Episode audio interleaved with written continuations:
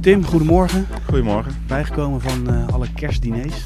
Nou, laat het erop houden dat ik niet hoef te ontbijten vandaag. Uh, ik denk dat je dan wel genoeg weet. Ja, precies. Nou, het voordeel van kerst is natuurlijk ook dat je Boxing Day hebt. En Boxing Day houdt in heel veel voetbal. Ja. Nou, laten we eens een aantal wedstrijden bespreken. Waaronder natuurlijk die uh, van Liverpool. Liverpool wint van Aston Villa. En Virgil van Dijk scoort.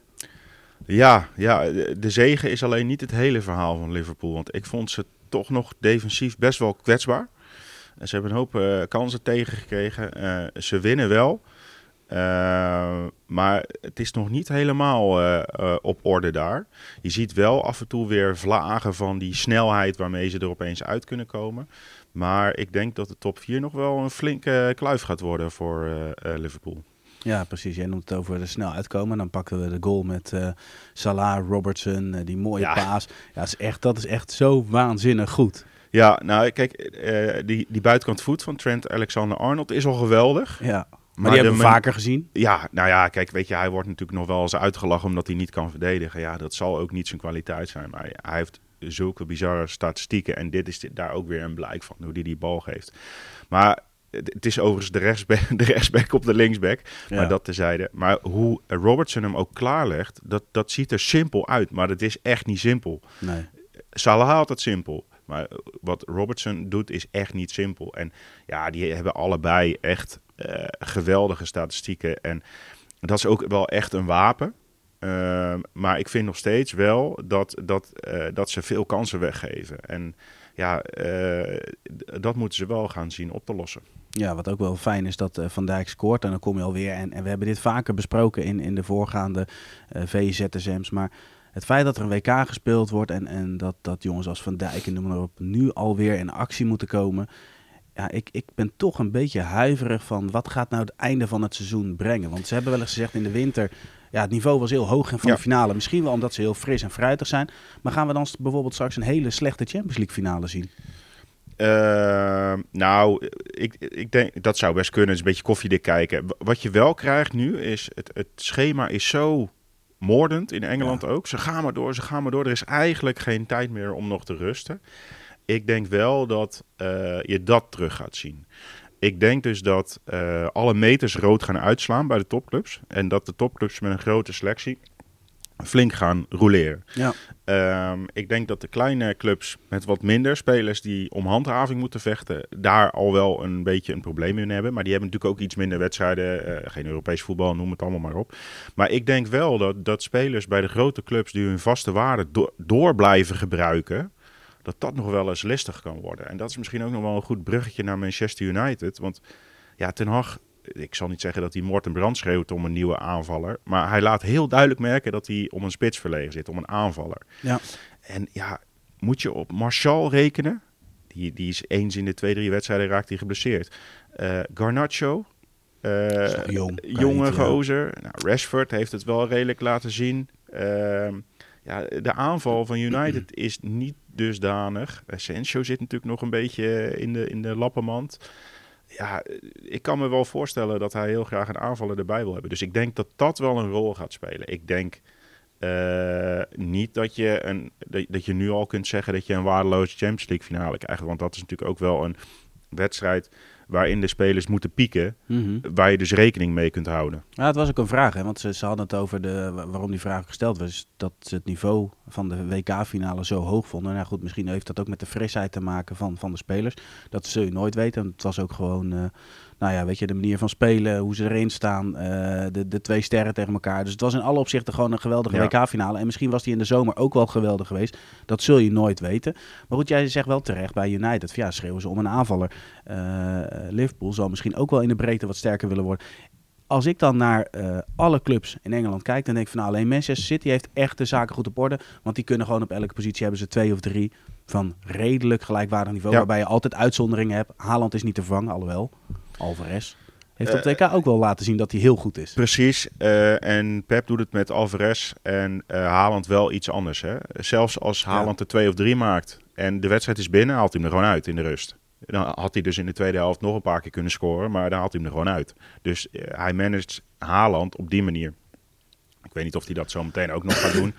Ehm, maar het klopt, die hebben, die hebben verreweg de beste selectie. En hoewel Arsenal natuurlijk gisteren, ik vond ze erg goed, Ja. ehm, ben ik benieuwd of ze die race gaan volhouden met City. ja, maar die hebben dezelfde vraag als, als, eh, nou ja, als bij Manchester United of bij Liverpool. Op het moment dat er dus belangrijke spelers wegvallen, in hoeverre kan je dat opvangen? Nou ja, Jesus is nu weggevallen en Ketia scoort gisteren.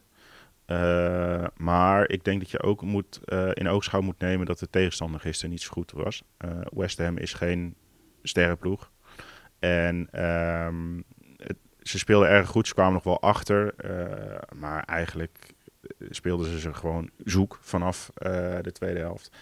Eh, en ook al een stukje in de eerste helft. Ja. Dus, dus dat ze met 4-1 winnen, dat, dat vind ik nog niet eens zo heel eh, eh, gek. Alleen ehm, de komende weken gaan wel, gaat het programma zwaarder worden. En dat heeft Ten Hag weer mee. De komende drie wedstrijden moet hij echt winnen. Want hij krijgt, eh, vanavond krijgt hij Forest. Ja. Daarna krijgt hij Wolves uit mijn hoofd. En daarna krijgt hij Bournemouth. En dan krijg je een break van ongeveer 12 dagen geen Premier League. Maar als hij die alle drie wint, dan staat hij er met oog op de top 4 wel heel erg goed voor.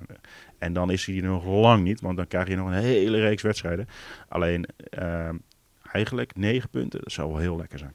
Ja, precies. Maar goed, dan praat je over de komende drie wedstrijden. Eh, wat ook cruciaal gaat zijn, is natuurlijk de transferperiode. Eh, dat stip je net terecht al aan. Lange tijd eh, ging het over Cody, Cody Gakpo. Van ja, waar past hij nou het beste Ja. aan? Nu is dan toch bij PSV en, en door Liverpool is bevestigd. Nou, er is een transfer, een, trans een recordtransfer zelfs. Het exacte bedrag is nog steeds niet bekend. Hij gaat naar Liverpool. En, en mijn gevoel, Tim, en, en volgens mij deel jij dat ook voor de uitzending, hadden we het er kort eventjes over. Ehm, bij Liverpool, ja, hoeveel gaat die spelen als straks iedereen fit is? Terwijl als je dan denkt bij United, daar zou die echt, nou ja, weet je, laat ik zo, de kans op echt een baasspeler worden was veel groter geweest. Ja, nou, eh, in ieder geval de bedragen. Het gaat waarschijnlijk, het is nog niet bevestigd, maar in Engeland zijpelt wel door dat het dan eh, een minimaal bedrag is van zo'n 42 miljoen euro. En dat kan dan door bonussen nog oplopen. Eh, nou ja, dat is natuurlijk sowieso een schitterende deal voor PSV. En ik moest een beetje denken aan, volgens mij hebben Van der Vaart en Sneijder het allebei wel eens gezegd. Als Real Madrid op de stoep staat, dan ga je. Ja, Hè, hè, of je nou 27 concurrenten hebt of niet. Ik denk dat dat eh, gevoel er nu misschien ook een beetje is bij Gakpo. Ik denk dat PSV heel graag wil, want we weten allemaal dat ze die miljoenen nodig hebben. Ja. Ehm, maar als je gaat kijken ehm, op korte termijn, hè, dus als hij zo meteen daar direct binnen is, heb je best wel kans dat hij veel gaat spelen. Kijk naar gisteren. Oxlade Chamberlain stond op de linksbuitenpositie. Ja. Die maakte niet heel veel indruk. Ehm, maar Jota is nu geblesseerd. Die komt in februari weer terug. Luis Diaz, die daar toen, toen hij binnenkwam eh, een verpletterende indruk heeft gemaakt. Die is wat zwaarder geblesseerd. Dat wordt waarschijnlijk maart, april of misschien zelfs nog langer.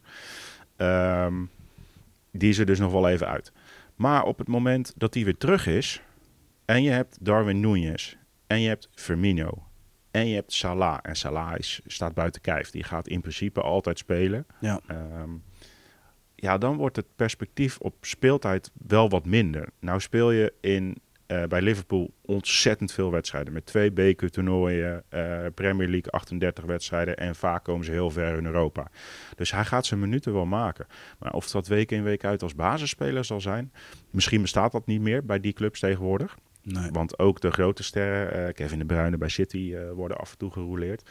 Maar ja, ik ben wel heel erg benieuwd hoe dat gaat uitpakken. Het is eh, toch wel een risico. Ja, terwijl ik wel geloof in de match met Klopp. Want die, die haalt spelers niet zomaar, haalt nooit de Ja. absolute sterren. Maar uiteindelijk groeien veel spelers daar wel uit tot een Nou, kijk, wat natuurlijk ster. wel heel interessant is, Klopp is natuurlijk een geweldige manager. Ook een geweldige people manager. Eh, maar wat wel interessant wordt om te zien, is of Gakpo kan aanhaken bij het eh, niveau van Liverpool.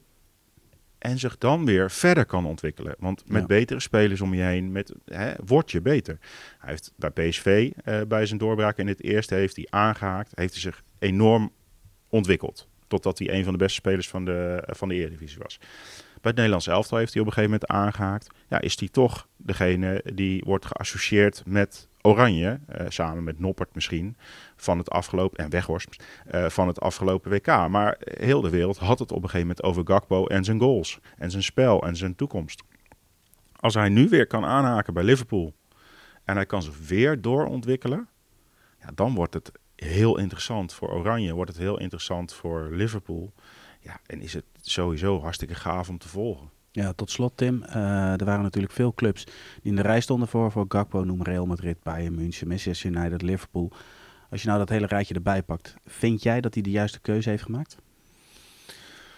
Um, nou, ik, qua speelminuten had ik hem misschien wel uh, uh, beter bij United vinden passen. Maar ja, die, die kunnen gewoon niet. Want het zit wat ingewikkeld, maar de club wordt in principe overgenomen. Uh, ja. Dat is nog een lang, proces van lange adem.